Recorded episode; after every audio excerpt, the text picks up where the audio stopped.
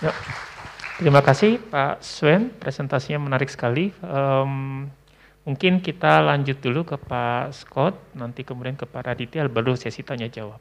Ya, silakan.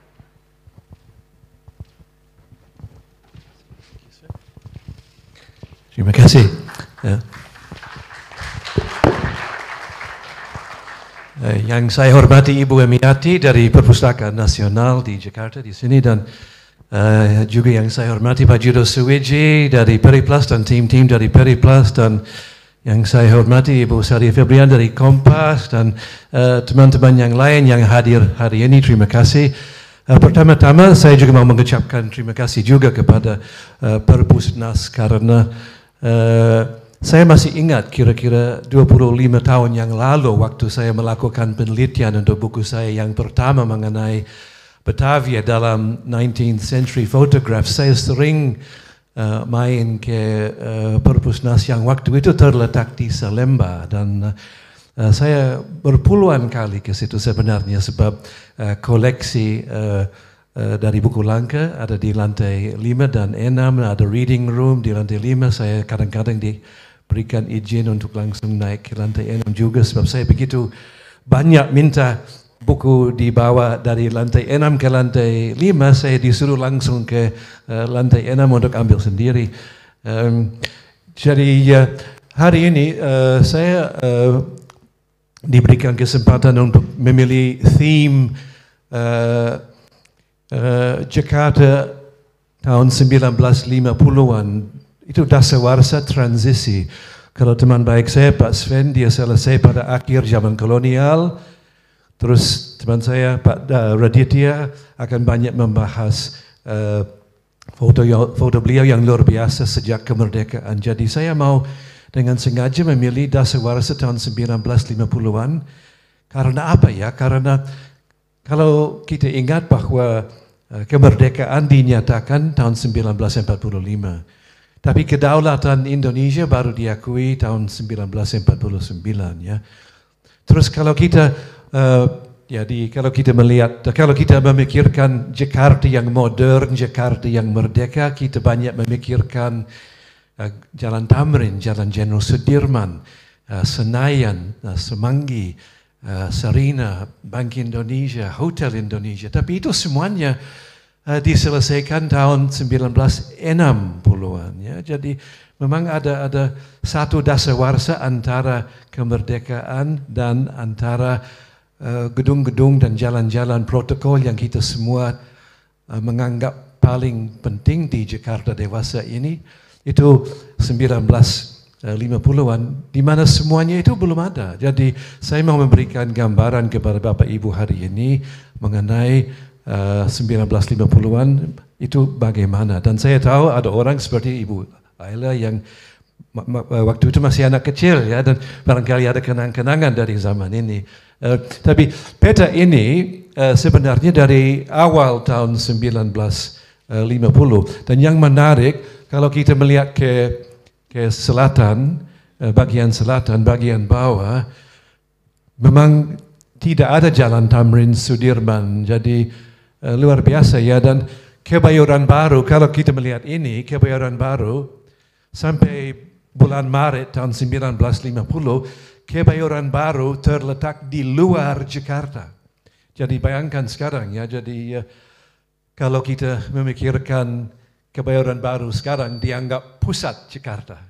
Uh, tapi eh, uh, 72 tahun yang lalu, sebelum bulan Maret tahun 1950, kebayoran baru uh, masih di luar Jakarta. Ada ada PNS waktu itu pegawai negeri sipil yang diberikan tanah di kebayoran baru atau diberikan harga yang murah, tapi mereka nggak senang, mereka merasa dibuang uh, ke selatan ya, jadi daripada diberikan yang misalkan di Menteng, dibuang ke kebayoran baru. Tapi bayangkan sekarang kalau diberikan secara murah tanah di kebayoran baru dan masih dipegang sampai sekarang, uh, Bapak Ibu pasti menjadi orang yang kaya raya kalau masih pegang tanah itu sekarang. Nah, kita next please. Ya.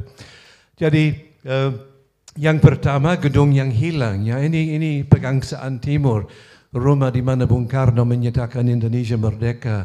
Uh, sayang sekali, uh, ini salah satu gedung yang hilang dari Jakarta sekarang ya dan memang saya rasa kita semua akan merasa sedih bahwa gedung yang segini pen, begitu penting untuk sejarah Jakarta uh, sudah uh, tidak ada lagi. Dan sebenarnya juga patung ini um, tidak ada juga sebab itu dibongkar terus beberapa tahun dibangun lagi. Jadi uh, jadi uh, Tugu Proklamasi ini Eh, sebenarnya yang kelihatan sekarang di, di Pegangsaan Timur adalah, adalah kopi daripada yang asli sebab baik gedung maupun tugu yang asli di, dibongkar. Okay, next. Okay. Jadi yang kita melihat di sini, ini uh, parlemen DPR yang pertama di Jakarta. Kalau DPR sekarang memang ada di Senayan. Uh, tapi itu baru di, uh, dibangun sebagaimana saya katakan sebelumnya, selesai selama tahun 1960-an. Jadi waktu Indonesia menjadi, sesudah menjadi merdeka, gedung kolonial ini yang dulu menjadi social club untuk tentara, uh, diambil alih oleh pemerintah Indonesia dan menjadi gedung DPR yang pertama. Ini terletak di uh, Jalan Lapangan Banteng Timur. Nah sekarang tidak ada sebab ada gedung um, yang dimiliki gedung bertingkat yang dimiliki oleh Departemen Keuangan yang terletak di situ. Tapi ya memang kalau sudah menjadi merdeka seperti Indonesia, ibu kotanya Jakarta, jadi harus sebelum bisa membangun gedung baru harus memanfaatkan gedung yang uh, ketinggalan oleh oleh Belanda. Dan ini salah satu contoh di mana military social club, social club yang dipakai oleh oleh tentara kolonial untuk uh, officer uh, menjadi DPR yang pertama. Terima kasih. Next. Terus ini salah satu contoh yang lain. Ini sekarang gedung Pancasila. Jadi ini kalau uh, selama zaman kolonial itu menjadi uh, rumah untuk ke, ke panglima uh, militer Belanda di Indonesia. Terus ini menjadi Volksrat, Dewan yang menasihati Gubernur Jenderal. Tapi sesudah kemerdekaan menjadi uh, uh, kantor pusat untuk Kementerian Luar Negeri. Nah, untunglah gedung ini masih ada sekarang ya dan ini juga terkenal karena ini namanya sekarang gedung proklamasi, eh, gedung Pancasila. Sebab uh, tanggal 1 Juni tahun 1945 kalau ingat dengan jelas Bung Karno uh, menguraikan uh, ide beliau untuk arti dan makna Pancasila yang sekarang diikuti oleh seluruh Indonesia. Jadi memang kalau di belakang gedung ini sekarang ada ada kantor-kantor lebih baru untuk uh, Kementerian Luar Negeri, tapi yang gedung asli ini uh, dipakai sebagai satu-satunya gedung tahun 9 1950 sesudah uh, Jakarta, uh, sesudah kedaulatan Indonesia diakui. Yang berikut. Gedung ini uh, juga menarik dan ini terletak tidak jauh dari sini. Ini Kementerian Dalam Negeri. Nah, itu ini terletak di uh, Medan Merdeka uh, Utara, tidak jauh dari istana. Ini gedung yang gaya arsiteknya sangat menarik. Dibangun kira-kira tahun 1914 dan sayang sekali sudah dibongkar. Barangkali karena terlalu kecil untuk keperluan sekarang. Tapi gaya arsiteknya sangat menarik. Tapi gedung ini dipakai uh, uh, Kementerian Dalam Negeri. Uh, sampai uh, gedung baru di, dibangun. Terus? Terus uh, sekali lagi, ada gedung yang masih tahan sampai sekarang. Departemen Keuangan, Kementerian Keuangan yang terletak di Medan di Lepangan Banteng Timur. Sekarang kosong sebab lagi direnovasi dan saya rasa pasti waktu di, dibuka kembali sesudah renovasinya uh, akan menjadi sangat menarik. Kabarnya akan ada museum uh, dan barangkali uh, kantor untuk uh, Bapak atau Ibu Menteri. Uh, tapi ini sebenarnya salah satu gedung yang paling tua di pusat Jakarta. Ini selesai gedung uh, baru ini baru diba mulai dibangun tahun 1809 selesai tahun uh, 1826 jadi salah satu gedung yang paling tua di Central Jakarta di Jakarta Pusat sekarang. Next. Next. Uh, gedung ini juga sangat dekat dengan kita. Ini balai kota, jadi uh, ini dekat sekali, ya di sebelah sini, barangkali atau sini, 100 uh, di sini, 100 meter dari sini. Uh, balai kota yang dipakai oleh kota Praja uh, Jakarta, sebagaimana Pak Sven bilang, ada uh, Batavia, uh, kota Praja Jakarta, baru mulai tahun 1905 dan mulai kira-kira tahun 1919 gedung ini dipakai uh, di jalan um, jalan ini, Jalan Medan Merdeka Selatan yang sangat dekat dengan kita sekarang. Tapi memang sebagai gedung bertingkat satu yang agak kecil, memang terlalu kecil untuk keperluan modern. Jadi ini dibongkar pada tahun 1970-an dan sekarang ada ada gedung bertingkat uh, yang baru yang selesai kira-kira tahun 1976. Uh, eh, terus, nah ini yang menarik juga sebab uh, juga ada ada gedung yang baru yang dibangun uh, selama tahun 1950-an. Jadi kita bisa melihat bahwa gedung yang dipakai oleh pemerintah tidak semuanya ketinggalan dari zaman Belanda, ada yang baru. Tapi walaupun baru, arsiteknya masih orang Belanda. Uh, jadi kita mesti menunggu beberapa tahun lagi sampai awal tahun 60-an sampai ada arsitek Indonesia yang mulai uh, mengusir, bukan tidak mengusir tapi menggeser uh, arsitek dari luar negeri. Jadi misalkan uh, Selaban misalkan yang arsitek untuk Bank Indonesia atau uh, atau Masjid Istiqlal tapi gedung ini sekarang masih ada ini sekarang KPU, gedung KPU, eh, Komisi Pemilihan Umum di Jalan Imam Bonjol. Tapi ini kalau tahun 1950-an, eh, gaya arsitektur ini dianggap sangat modern, sangat modern dan sangat menarik uh, sekarang ya gaya kotak-kotakan dan masih ada ada sampai sekarang. Berikut. Okay. Sebagaimana saya katakan sebelumnya, kalau kita kembali ke tahun 1950-an, belum ada hotel yang modern. Jadi hotel yang modern yang pertama yang dibangun di Jakarta uh, adalah Hotel Indonesia yang diresmikan tahun 1962. Tapi sebelum itu untuk lebih dari 100 tahun, hotel ini, uh, Hotel Zand atau di, namanya menjadi Hotel Duta Indonesia sesudah orang Belanda diusir dari Indonesia. Uh, ini menjadi um, hotel yang paling terkenal di di di Jakarta dan uh, untuk uh, uh, pernikahan, pesta pernikahan atau pertemuan antara pejabat-pejabat uh, uh, atau menteri-menteri dari luar negeri. Uh, ini kayak Grand Hyatt sekarang ya atau atau uh, hotel yang paling megah sekarang, Hotel Zen, Hotel Duta Indonesia, terletak di Jalan uh, Gajah Mada. Uh, sayang sekali ini dibongkar tahun 1971 dan sekarang yang ada di sini sekarang adalah uh, Duta Merlin, pertokoan Duta Merlin yang sangat jelek, sangat jelek.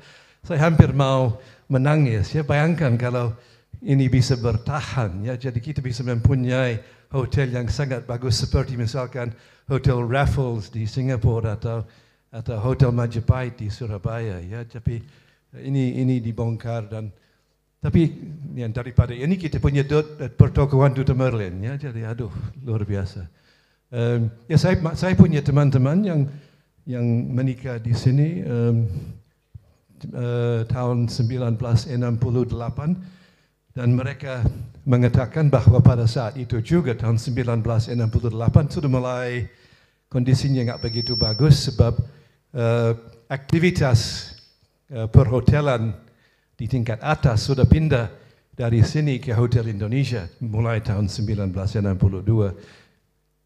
Oke, okay, terus.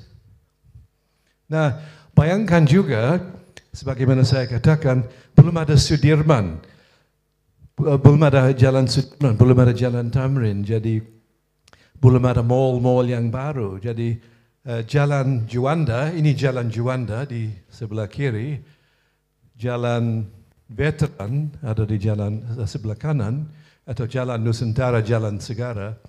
Ini menjadi sangat penting uh, untuk pertokoan, untuk restoran, untuk uh, uh, ini menjadi pusat per, perbelanjaan, per, pertokoan yang yang yang penting.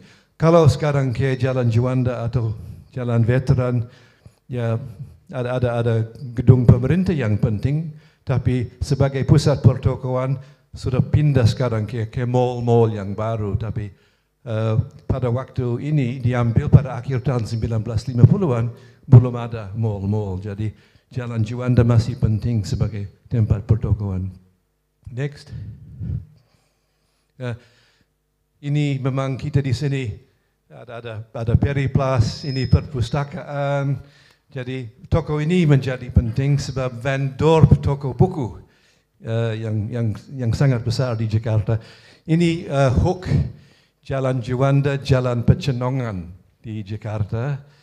Jadi sekarang ada ada gedung Astra, gedung Toyota barangkali Pak Raditya tahu baik dari waktu beliau di Astra. Tapi kalau uh, tahun 1950-an ada ada toko Van Dorp, uh, salah satu uh, penjual buku. Kayak Plus kayak sekarang Pak Juda ya. Jadi um, jadi uh, foto ini sangat tajam dan saya rasa sangat cocok untuk tema kita hari ini. Next. Uh, Oke, okay, ini hotel di Nederlanda, salah satu hotel yang um, juga terkenal, tidak sama terkenalnya dengan Hotel Duta Indonesia atau Hotel De Zan, tapi Hotel di Nederlanda, uh, ya lumayan terkenal sejak abad ke-19. Nah, ini dibeli dan dibongkar dan diganti, ditukar dengan gedung yang sangat terkenal sekarang. Jadi ada ada yang tahu di sini uh, gedung ini Hotel Nederlanda ditukar dengan gedung apa?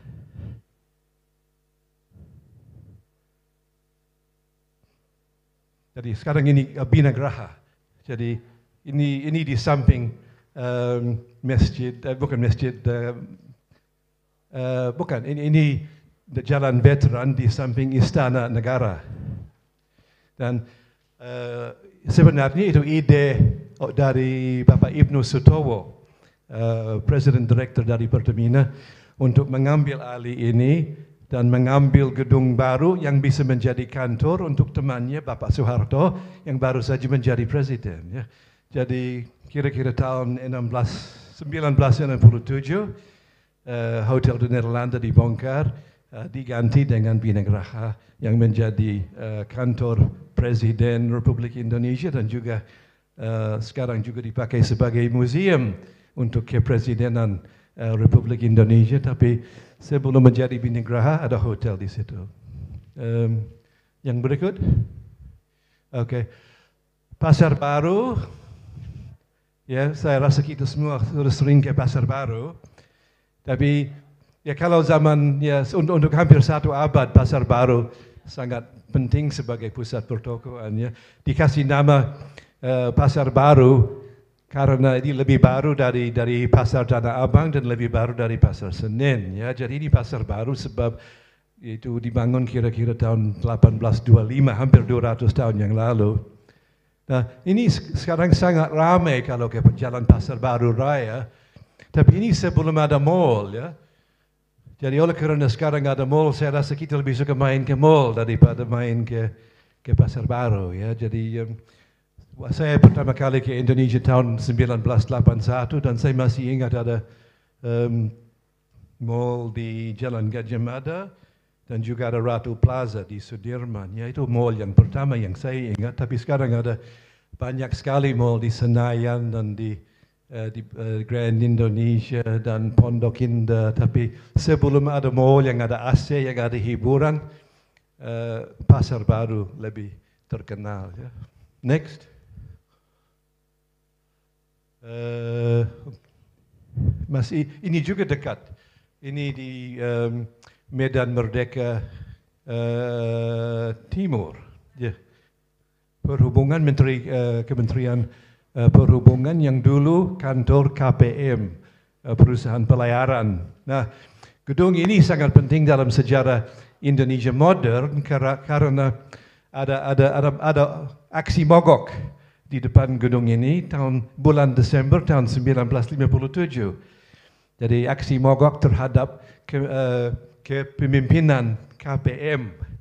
Uh, jadi sebab walaupun Indonesia dari segi politik sudah menjadi merdeka, dari segi ekonomi Belanda masih menguasai banyak industri, misalkan perbankan, perminyakan, dan pelayaran. Jadi, tapi oleh kerana aksi mogok yang mulai di depan gedung ini bulan Desember tahun 1957, Bung Karno bertindak. Dia mengambil alih, menationalize uh, aktiva-aktiva harta-harta Belanda dan mengusir orang Belanda, uh, kecuali si Sven ini orang Belanda ini. Uh, tapi orang Belanda yang lain diusir uh, dan gedungnya dan hartanya diambil. Ya. Um, uh, Oke, okay, jadi ini gedung agak cukup bersejarah saya rasa juga ya. Terus saya hampir selesai. Oh, Pak Sven sudah menyebutkan pentingnya tram uh, di di Jakarta. Uh, ini ini daerah Senen. Uh, sayang sekali tidak ada ada tram sekarang ada busway tapi tidak ada tram ya. Um, Bung Karno katanya tidak Bung Karno yang memberikan perintah untuk berhentikan sistem tram di, di Jakarta karena dia mau memberikan gambaran ibu kota baru, modern kepada orang yang datang untuk Asian Games yang diadakan di Jakarta di Senayan tahun 1962.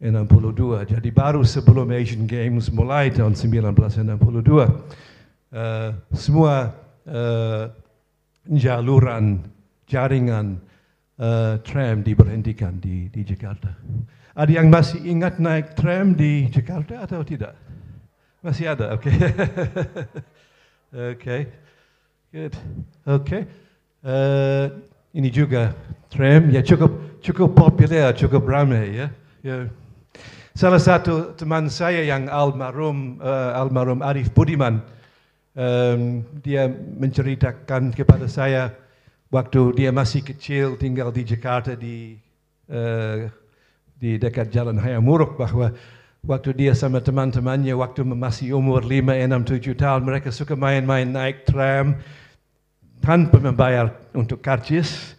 Dan mereka melihat berapa lama bisa naik tram sebelum diusir oleh oleh konduktor ya. Jadi itu menjadi tantangan untuk mereka ya. Jadi saya suka kenang-kenangan kayak gitu tapi memang uh, tram tidak ada lagi di Jakarta.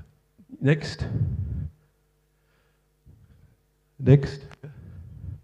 Ya saya hampir selesai. Ini kebayoran baru tahun 1950.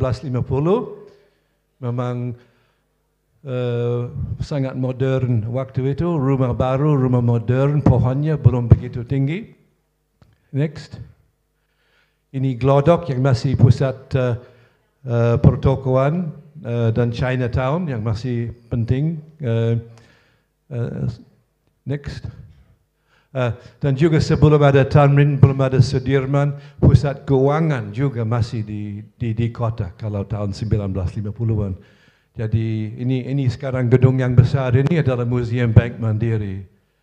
Uh, yang paling uh, sebelah kanan yang sedikit kelihatan itu uh, Museum Bank Indonesia yang sebelumnya Javash Bank yang juga menjadi pusat ibu uh, kantor pusat untuk uh, Bank Indonesia pada tahun 1950-an. Terus uh, stasiun Jakarta Kota masih lebih penting waktu itu barangkali daripada sekarang sebab banyak orang yang bekerja di bidang perbankan atau keuangan uh, zaman itu mesti ke utara naik uh, naik kereta api atau naik tram tapi sekarang tidak begitu penting dibandingkan dengan setengah abad yang lalu karena kantor-kantor sekarang sebagian besar ada di Sudirman atau, atau Rasuna Said atau atau Tamrin. Terus, next, uh, Kemayoran, uh, ini bandara Kemayoran. Kalau tahun 1950-an melayani baik uh, uh, penerbangan domestik maupun luar negeri baru tahun 1974 uh, Halim dipakai lagi untuk internasional Terus tahun uh, 1985 atau 6 Soekarno-Hatta buka dan uh, domestik maupun internasional pindah dari Kemayoran ke uh, Soekarno-Hatta yang yang baru.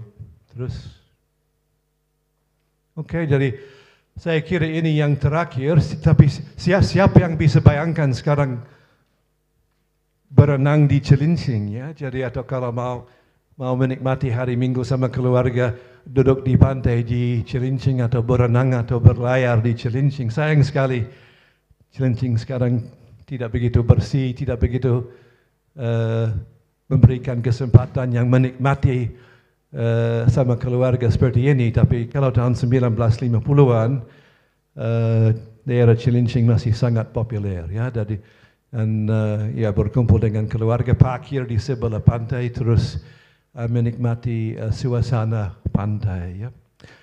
Saya rasa itu terakhir, jadi saya mengucapkan terima kasih.